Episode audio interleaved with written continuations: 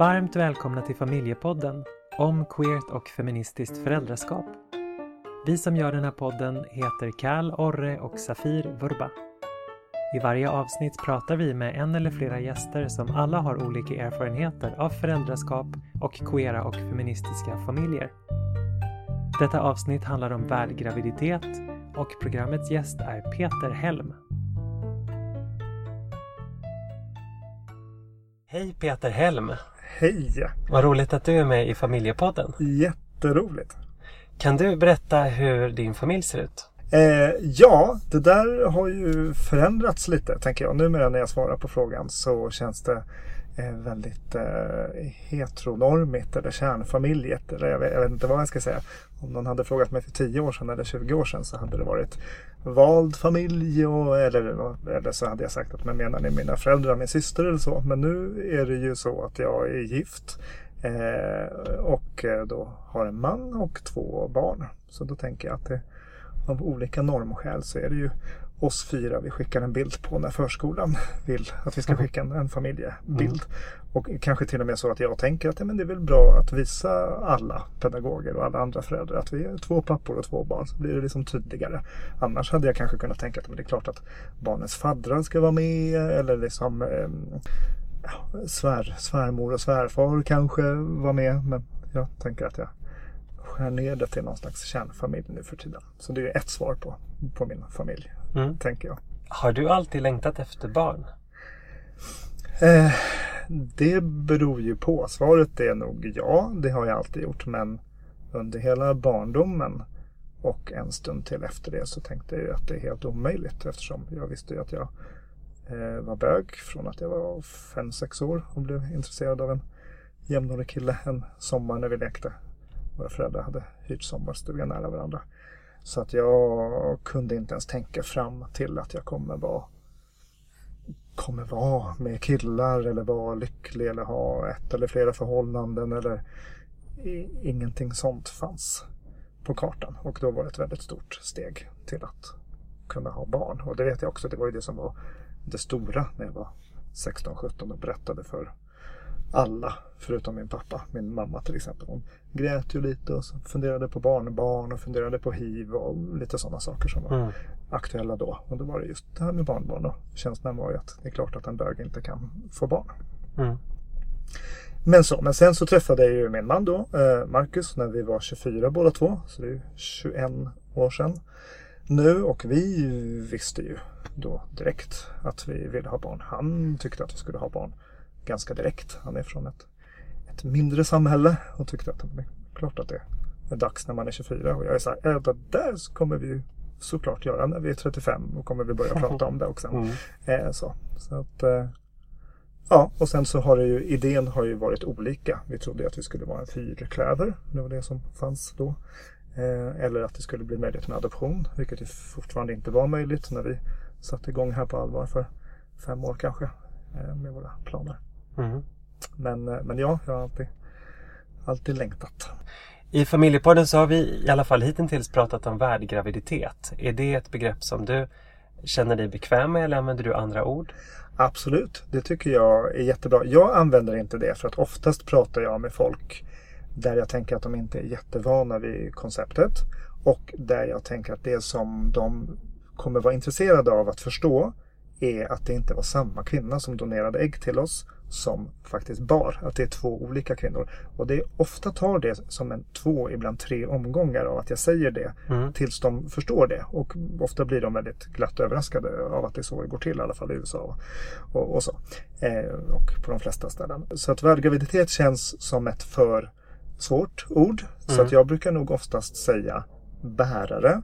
Eller så säger jag surrogat när jag tror att jag ska vara mer tydlig. Mm. Men jag säger inte surrogat mamma eller någon annan surrogatkombination. För att för mig så är det ju inte hon, den underbara människan som bar våra barn, eh, var ju för mig inte en surrogat för en mamma eller en mor. Utan en surrogat för mig och min man. Alltså en ersättare för att vi i våra kroppar inte kunde bära våra barn. Nej, jag tänker inte att våra barn behöver just någon med titeln mor eller, eller, mamma. Utan våra barn har två pappor och det är, är samma sak. Mm. Liksom, så. Mm.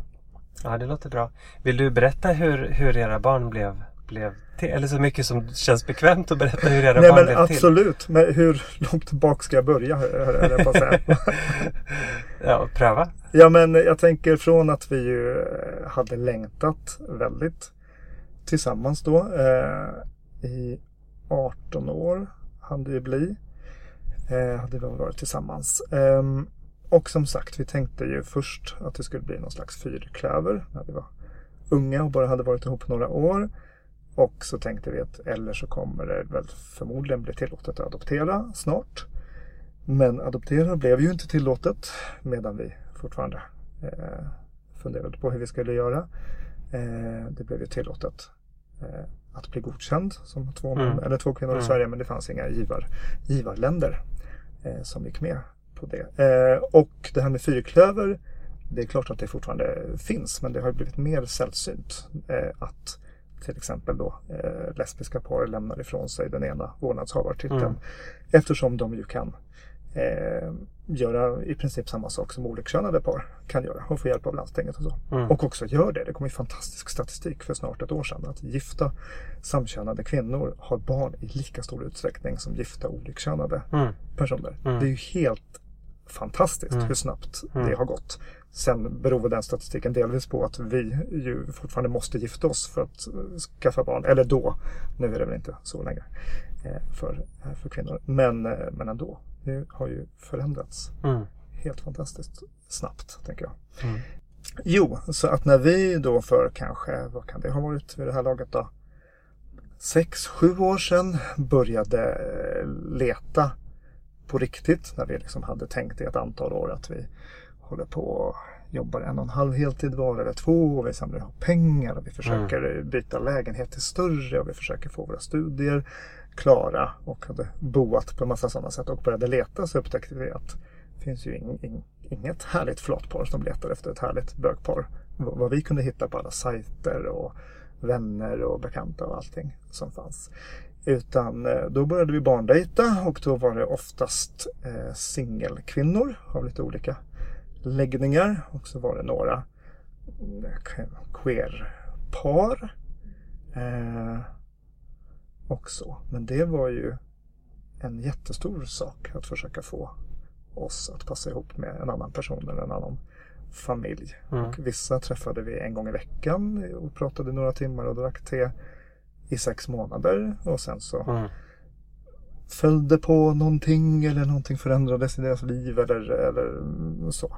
Eh, så att då efter ett antal, efter några år med det så började vi fundera på om det fanns någon annan möjlighet och då tänkte vi att vi hade, vi hade ju avfärdat surrogat eftersom i vår värld så fanns det Thailand och Indien eh, och de hade fortfarande inte stängt ner för utländska medborgare då, tror jag.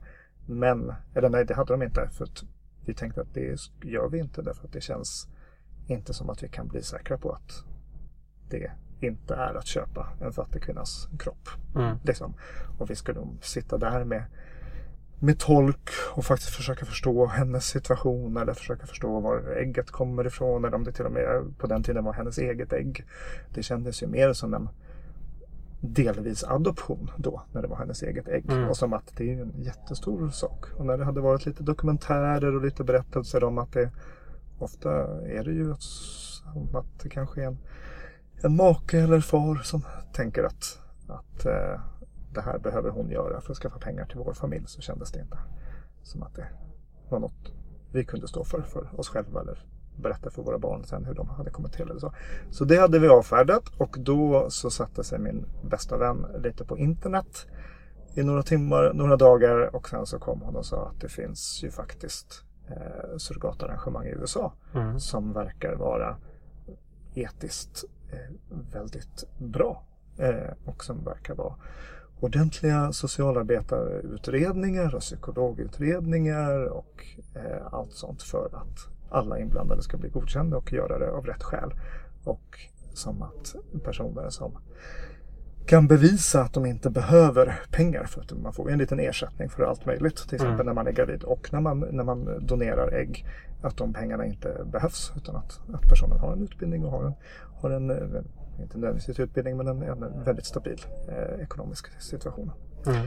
Så det var ju en fantastisk aha-upplevelse. Och sen kollade vi upp det eh, och hälsade på en sån här förmedling när de var i Skandinavien och berättade om, om hur de gör. Ehm, och då gick det ganska snabbt efter det. Vi blev matchade med en äggdonator och träffade henne först på Skype och sen så åkte vi och träffade henne och hennes pojkvän eh, när vi var på IVF-kliniken i USA samtidigt. Och sen efter det, när det fanns då embryon, eh, så eh, blev vi matchade med bäraren. Skypade vi med henne och hennes barn och hennes man. Och sen träffade vi eh, dem också ett, ett antal gånger.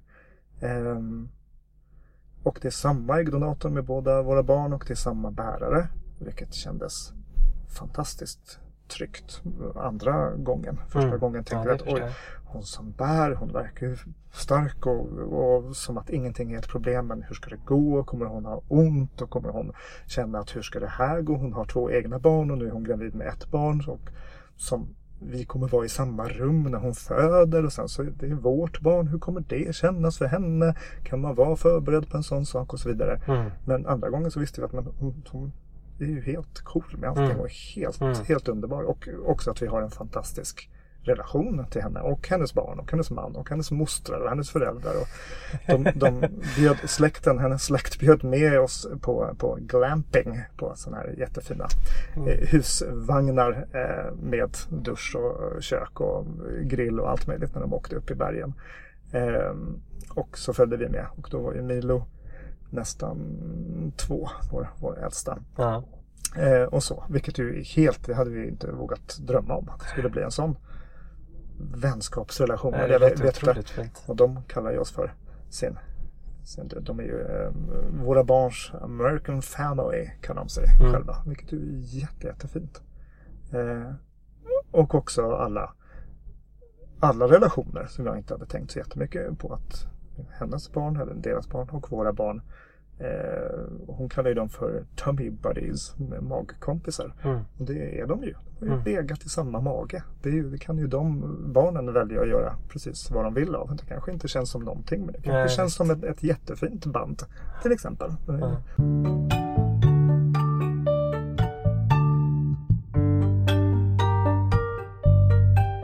Hur mycket valfrihet hade ni när det gällde att hitta ja, men äggdonator eller att hitta den här bäraren? Så kunde ni välja mellan olika profiler eller hur gick det till?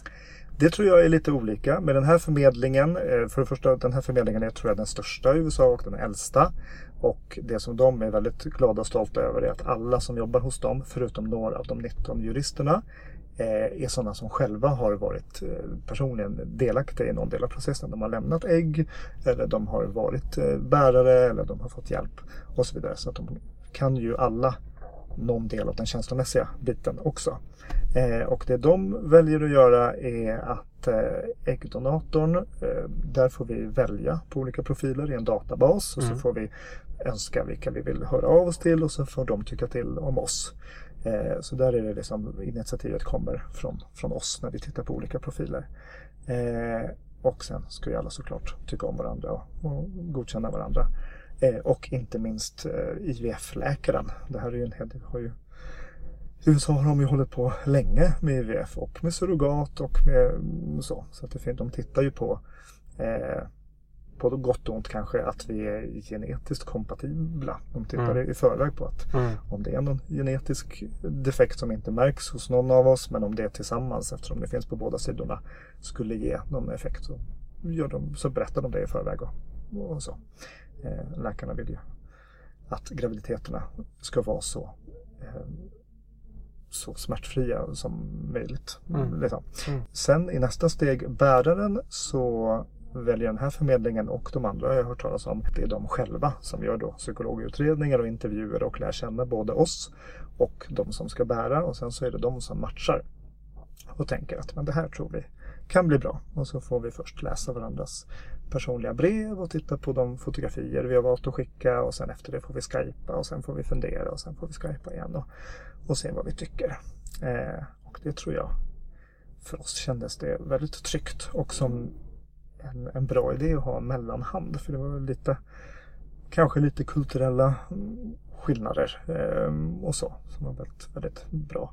Och också för många i USA så är det ju en, en mycket större sak att bära åt några som inte bor i USA.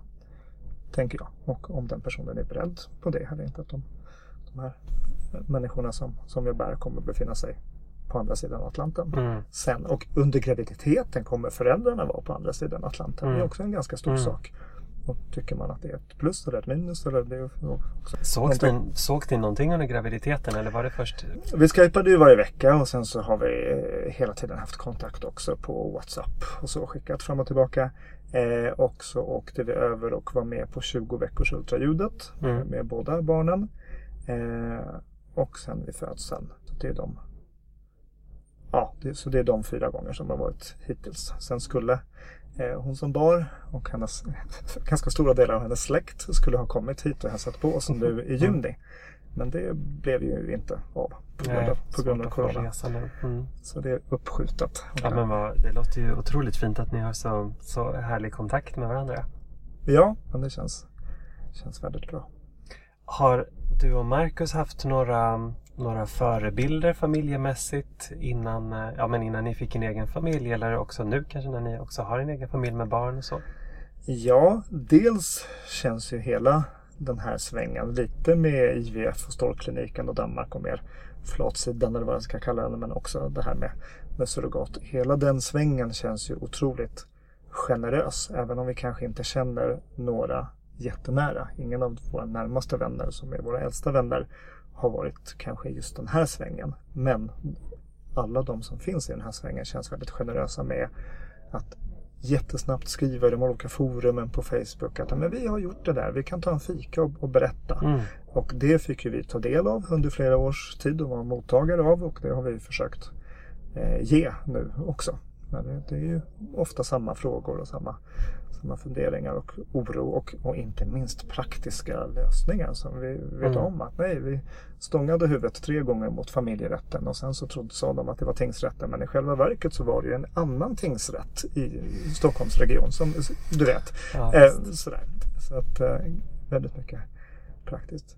Så dels eh, det som förebild men sen en annan sak som var en väldigt stor sak för mig som jag inte visste om tills det hade hänt var ju föräldraförebild överlag. För att jag inser att det som var ett jättestort steg för mig personligen att fundera på om vi skulle få hjälp av surrogat var ju att då kommer våra barn inte ha någon mamma. Och jag och Marcus kommer enväldigt ha valt bort mamma åt våra barn. Och vad är det och hur stort är det? Eh, så att där eh, var det ganska många månader när jag liksom brottades med det här och ältade det här. Och, och eh, flera av mina vänner, nära vänner som känner mig, dels känner mig bra nog och dels vågar säga vad de tycker. Så Mm. att, men det här med att ni barndejtar en eller två eller kanske till och med fler andra personer. Är du säker på att det är det du vill Peter? För min gissning är att du vill ha barn och du vill knappt dela dem med Marcus. Vill du dela dem med en annan familj? Vad kommer det innebära rent praktiskt och känslomässigt? Och är du säker på det?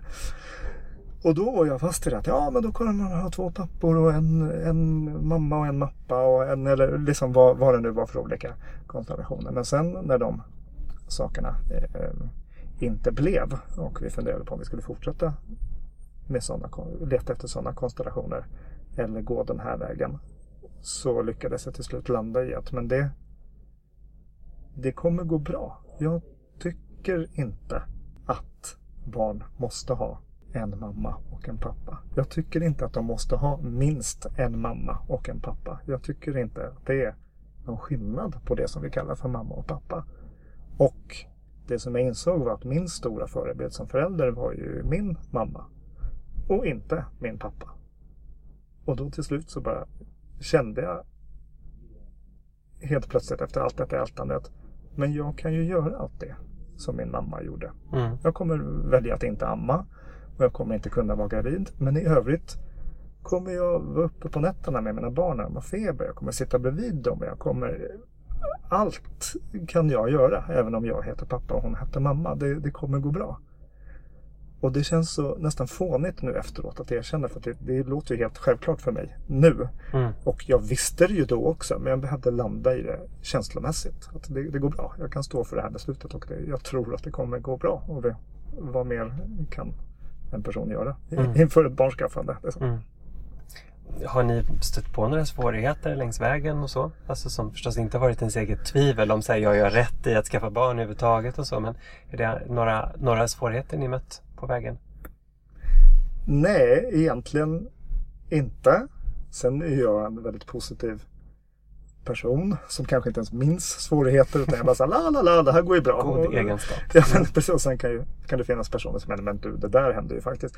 Men nej, överlag har det gått väldigt mycket bättre. Jag var ju förberedd. Jag nojade ju lite i förväg innan vi hade barn över olika saker. Jag var så här, jag kommer vara på lekplatser och så kommer alla komma fram och fråga mina barn, men var är din mamma eller lilla vän? Så tänkte jag, då kommer jag ha en t-shirt där det står, jag är pappa och det räcker. Eh, Du, du vet, helt Mm. sådär här. Mm. Men det, ingenting sånt har hänt. Och jag vet inte om det har att göra med att vi rör oss i Stockholms innerstad på 2020-talet är det ju numera. Eller om det har att göra med att både jag och Marcus är ganska självklara. Vilket jag tror har en del med saken att göra. Vi har haft många år på oss tillsammans och var så, men vi, vi är ihop. Vi håller varandra i handen på stan oavsett tid på dygnet eller oavsett var vi är och vad vi gör. Och väldigt många har antagit att vi är barnets och numera barnens föräldrar. Och också antagit att vi är de enda föräldrarna. Mm. Och i många vårdsammanhang har det glömts bort att vi inte är de enda genetiska eh, bidragspersonerna. Det har varit om de har frågat någonting. Så, ja, men hur ser det ut på din sida? Hur ser det ut på din sida? Så fast nu är det ju bara en av oss som är genetiskt kopplad. Ah, så är det, undrar ni något om äggdonatorn? Eller, nej, nej, men just det. Ja, liksom så, vilket är väldigt spännande. Folk Ja. inom vården har ju ändå utbildning i biologi och anatomi och allt möjligt, tänker jag. Väldigt, väldigt spännande. Ja, bra. Hur ser eh, juridiken ut? Har ni behövt liksom hitta en egen juridisk lösning eller finns det, finns det en bra juridisk lösning för, för den typen av familj som ni har? Eh, ja, alltså bra är ju överdrivet. Det är ju för många, tror jag, för oss har det varit så att all, överallt där vi har då hamnat, Skatteverket och Försäkringskassan och tingsrätten och familjerätten, så har vi ju hamnat hos handläggare som har sagt eller starkt utstrålat att oj, det är första gången jag stöter på det här. Men jag ska se om det finns någon kollega som vet någonting. För att blanketterna funkar ju inte och datasystemet Mm. funkar jag känner inte. igen det. Ja, men precis. Men där fick jag en aha-upplevelse där i det var augusti förra året när det i samband med Pride presenterades statistik. Och så, så var en del av den statistiken att det fanns 237, tror jag, barn i Sverige då med två eh, juridiska män som vårdnadshavare. Alltså som vi. Sen finns det såklart många fler barn som har två pappor till exempel. Mm. Fast, så. Men det är ändå en fruktansvärt låg siffra. Mm. Ja, Och jag, och jag hade ändå tänkt mig att surrogat, eh, barn till följd av surrogatarrangemang kommer väl ändå 100 eller 200 till Sverige per år. Men då var väl många av dem med olikkönade föräldrar, tänker jag. Så att sammanlagt fanns det 236. Så att Mm. vårt, vårt andra barn blev, nummer 237, eller om det hann komma några fler. Mm. Och då insåg jag att men det, då är det ju inte så konstigt att 99,9 procent av alla som jobbar med någonting som har med det här att göra aldrig har stött på det. Mm. det, Nej, det, vi måste ha överseende med att de säger att förlåt, jag har ingen aning. Och så länge de säger det och är vänliga, vilket alla har varit. Och många har också blivit ganska oroliga. Vi, när vi kom hem med vårt första barn, Milo, så ska vi ju, han ska ju som hemvändande svensk, eller om det heter återvändande svensk, eh, infinna sig på Skatteverket samma dag som han kommer till landet. Och Då var han ju 11-13 dagar gammal. Okej. Så då tog vi med honom dit eh, och då var det två, två eh, herrar där som frågade varandra och de blev jätteroliga. Så sa de, men, men vänta, vänta, vänta. Det här betyder ju att det här barnet, den här bebisen har inga vårdnadshavare i Sverige. Det finns bara en som har fött honom och det är inte hans förälder och hon finns i USA. Här måste vi ju rätta till jättesnabbt, men så här kan vi inte ha det. Vilket kändes väldigt fint. Det fanns liksom ingen idé om att men, vad har ni gjort, vad har ni ställt till med? Utan det var bara så här, här finns ett barn som vi, och vi måste rätta till det trots Mm. att blanketterna inte finns. Liksom. Hur fort gick det då? då? Det gick jättesnabbt. Alla myndigheter har då när de har ringt runt faktiskt fått höra att men det finns en kvinna som heter så här och så här som faktiskt har gjort det här förut. Eller det finns någon som har gjort det här förut. Och så har vi blivit kopplade till den och den har ofta hjälpt oss jag ska inte säga vid sidan av systemet, men sagt att okej, okay, ni kan skicka det till skatteverket.se eller var, vart man nu skickar saker. Eller, men ni kan också skicka en kopia till, till min jobbmail. Då, då, vet vi att det hamnar hos mig också, att det, att det blir gjort mm. på rätt ja, sätt. Ja. Eh, så att allt sånt har varit fantastiskt och sådana personer inte minst har vi också tipsat alla om. Som mm. vi har fikat med efteråt. Att den här personen har den här jobbmailadressen och den vet vad som behöver, behöver göras. Mm. Sen finns det också olika vägar eftersom hela den här lagstiftningen, jag tror att det var Ulrika Westerlund som var RFSL eh, förbundsordförande länge och eh, gjorde det fantastiskt väl som sa att hela den här lagstiftningen, familjebalken överhuvudtaget, är ett stort lapptäcke av olika mm. liksom, domstolsbeslut och gamla lagar och nya lagar och det är liksom ett, ett härke. Så att det finns ju olika vägar. Vi var ju helt inställda med vårt första barn på att vi skulle närstående adoptera en av oss och mm. sen den andra av oss med vårt andra barn. Men då, då visade det sig att det behövde vi inte göra. För det gick snabbare och smidigare att gå till Nacka tingsrätt som är den tingsrätt i Storstockholm som klubbar igenom, vad nu det heter på ett lagligt språk, vi inte vidimerar, men fastställer på något vis utländska domar. Då tittar de på domen ifrån USA och där står det att det finns två fäder. Det står inte att någon av oss har adopterat, utan mm. att det finns två fäder. Så då klubbar de igenom att det finns två fäder. Då går det till Skatteverket som säger att för juridiska män finns det bara två kategorier. Det finns biologisk far och det finns adoptivfar. Och ingen av de här två personerna, papporna, har adopterat. Ja, det är de biologiska fäder båda två. Jaha. Så det är också jättespännande. Ja, det är fint. Jag trodde själv, alltså, jag gissade att det var närstående adoption som ändå behövde göra men, men vad fantastiskt att båda men Många har ju gjort det. Det är olika var vi bor och det är kanske ja. lite olika hur domstolsbeslutet är i olika delstater i USA. Och många kommer ju inte från USA också. Och så, där. så det är ju väldigt olika men för oss så råkade det bli så. Vilket ju känns lite lustigt mest. Vi är båda biologiska fäder till, ja, till våra liksom två barn. Det, det queera läckaget som lyckas överträffa biologin. Jag gillar det. Exakt. det, det känns väldigt fint.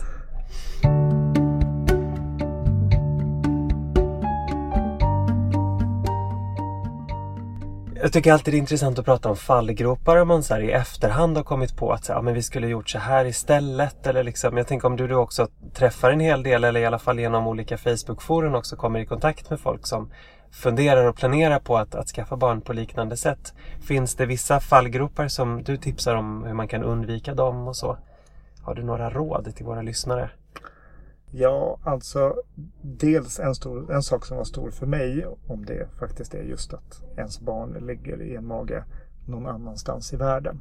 Så är mitt enda råd är att om du bara kan, om du på något vis kan sälja allt du äger och ta ledigt från ditt eventuella jobb och faktiskt vara där i så god tid som du kan. För att för mig de sista dagarna eller veckorna innan vi faktiskt åkte och vi åkte i jättegod tid båda gångerna att känna att okej, okay, vad är klockan nu? Vad är, vad är klockan här? Vad är klockan där? Om vi får ett samtal nu så måste jag åka med KLM och då måste jag byta där och där.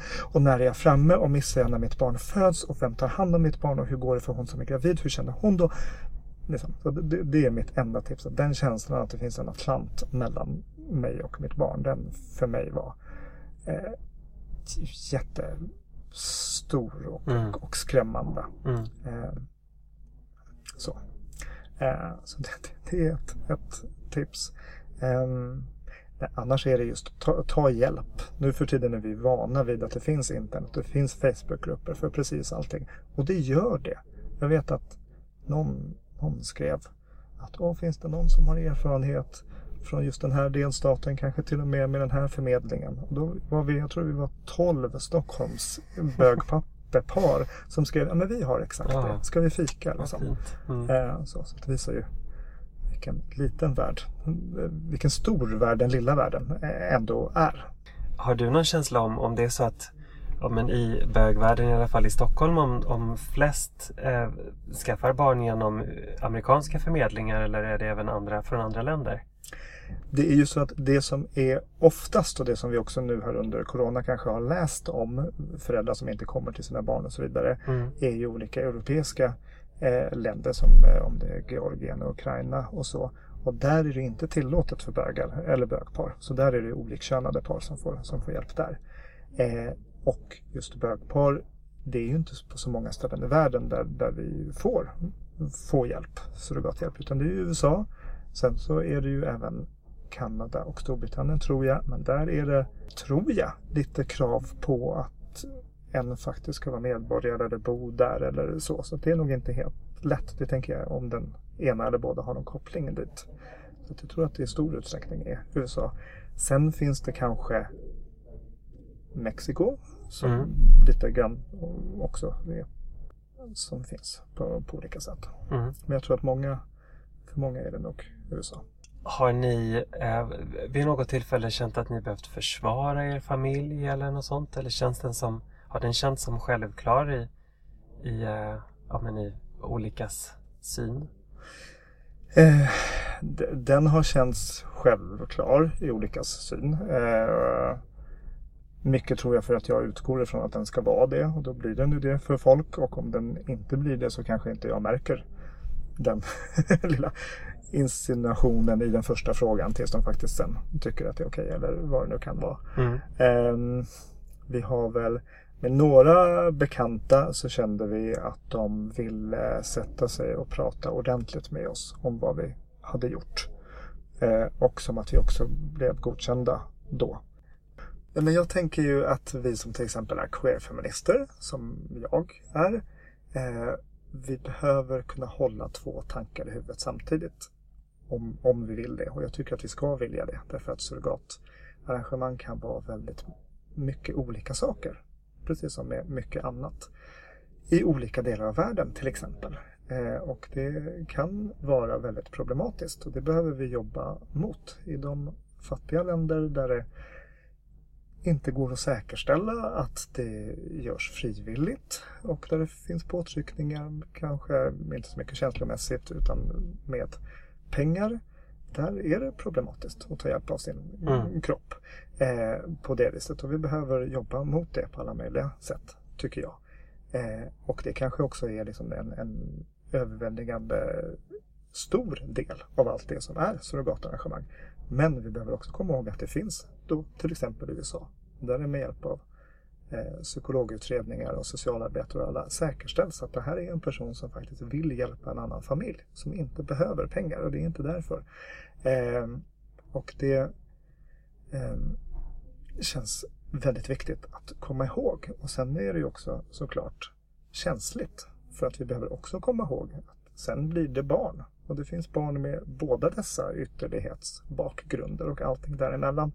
Som till exempel finns i Sverige och på förskolorna och skolorna där, mm. där våra barn finns. Så vi behöver också fundera på eh, hur, hur, vi, hur vi bemöter barnen och föräldrarna och hur vi jobbar med lagstiftning eller påtryckningar. Eller vi tycker att svenska medborgare ska uppmanas till att göra så här och så här till exempel. Mm. Och kanske till och med med statliga svenska pengar bli styrda åt ett håll. Precis som vi gör med adoption. Det kommer ett bidrag och det behöver gå via svenska adoptionskanaler så att det blir rätt. Så att det inte är ett barn som är köpt mm. när det handlar om adoption. Till exempel. Det liknande skulle vi kunna göra på det här viset. Jag tänker också, alltså queerfeminister är ju, jag menar vår syn på sexarbete till exempel är ju också att man ska kunna se olika situationer samtidigt eller jag säger inte att alla queerfeminister har en och samma syn på sexarbete men jag tänker också att sexarbete är ju, jag menar vi som kritiserar sexlags, sexköpslagstiftningen till exempel är ju framförallt queerfeminister som menar att hallå det finns mer än en verklighet på sexarbete och så vidare så det, det är ju vad fint att du lyfter fram det. Um, tycker jag är jätteviktigt. Och också en lång tradition, tänker jag, som hbtq-aktivist av att varje gång det är lite knepigt säga men vänta nu, har vi tagit med oss rätt grupp till parlamentet, eh, till riksdagen, så att politikerna ska få prata med dem som det faktiskt berör? Och där känner som till exempel sexarbetare, om vi nu tänker att vi ska bilda oss en helhet, då fråga dem om deras situation och så vidare.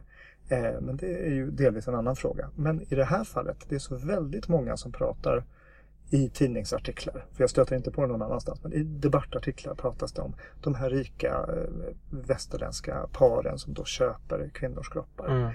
Och sen så pratas det om de kvinnor som blir utsatta. Och det absolut, det är ofta Och visst, eh, den sant. verkligheten sant. finns ju också. Men är det någonsin någon som faktiskt frågar, eller någonsin är det ju, men det är oftast inte någon som frågar, men okej, den som har donerat ägg eller den som har burit ett barn, varför har jag gjort det och hur såg det ut Mm. och, och så vidare. Ja, men jätte, jag är jättetacksam att du delar med, med dig av, av en annan berättelse också som är otroligt viktig att få höra. Ehm, avslutningsvis tänkte jag bara fråga, så här, vad, är det, vad är det bästa med att ha en familj som, som du har? Alltså för mig, det bästa är ju att ha en familj. Det har jag ju längtat efter Mm. jättelänge och det är fantastiskt. Eh, men eh, jag vet inte, det här låter ju lite, jag vet inte, egocentrerat eller stroppigt. Men jag tycker ju att jag har en fantastiskt spännande familj. Och det är ju samma känsla som jag har haft hela livet med att jag är bög. Inte när jag växte upp, då var det fruktansvärt Mm. svårt. Men sen efter det, jag behöver ju aldrig vara på en parmiddag eller en picknick eller i en tunnelbana med en bekants bekant och känna att jag inte kan börja prata om något spännande. Förr i världen kunde man säga ja min, min pojkvän Marcus bla bla bla. Jaha, okej, men gud vad roligt.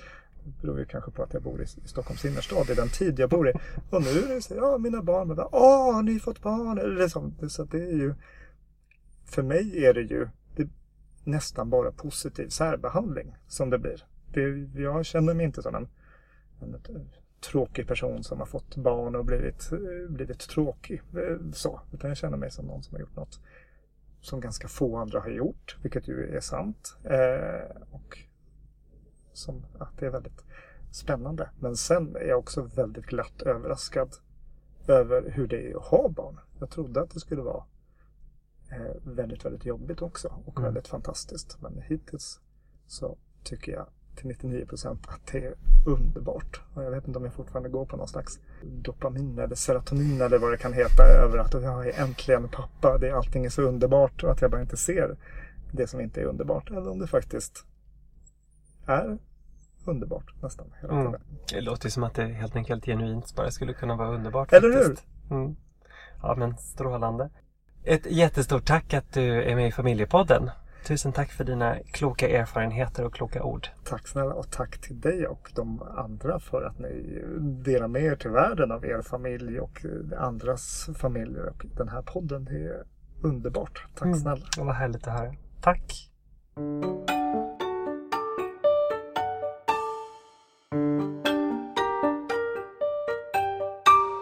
Det här var allt för oss idag i det här avsnittet av Familjepodden. Vi som gör det här, den här podden heter Cal, Orre och Safir Vurba. Och om du vill ha kontakt med oss så finns vi på queerfamilj.gmail.com. Tack att du lyssnat. Vi hörs!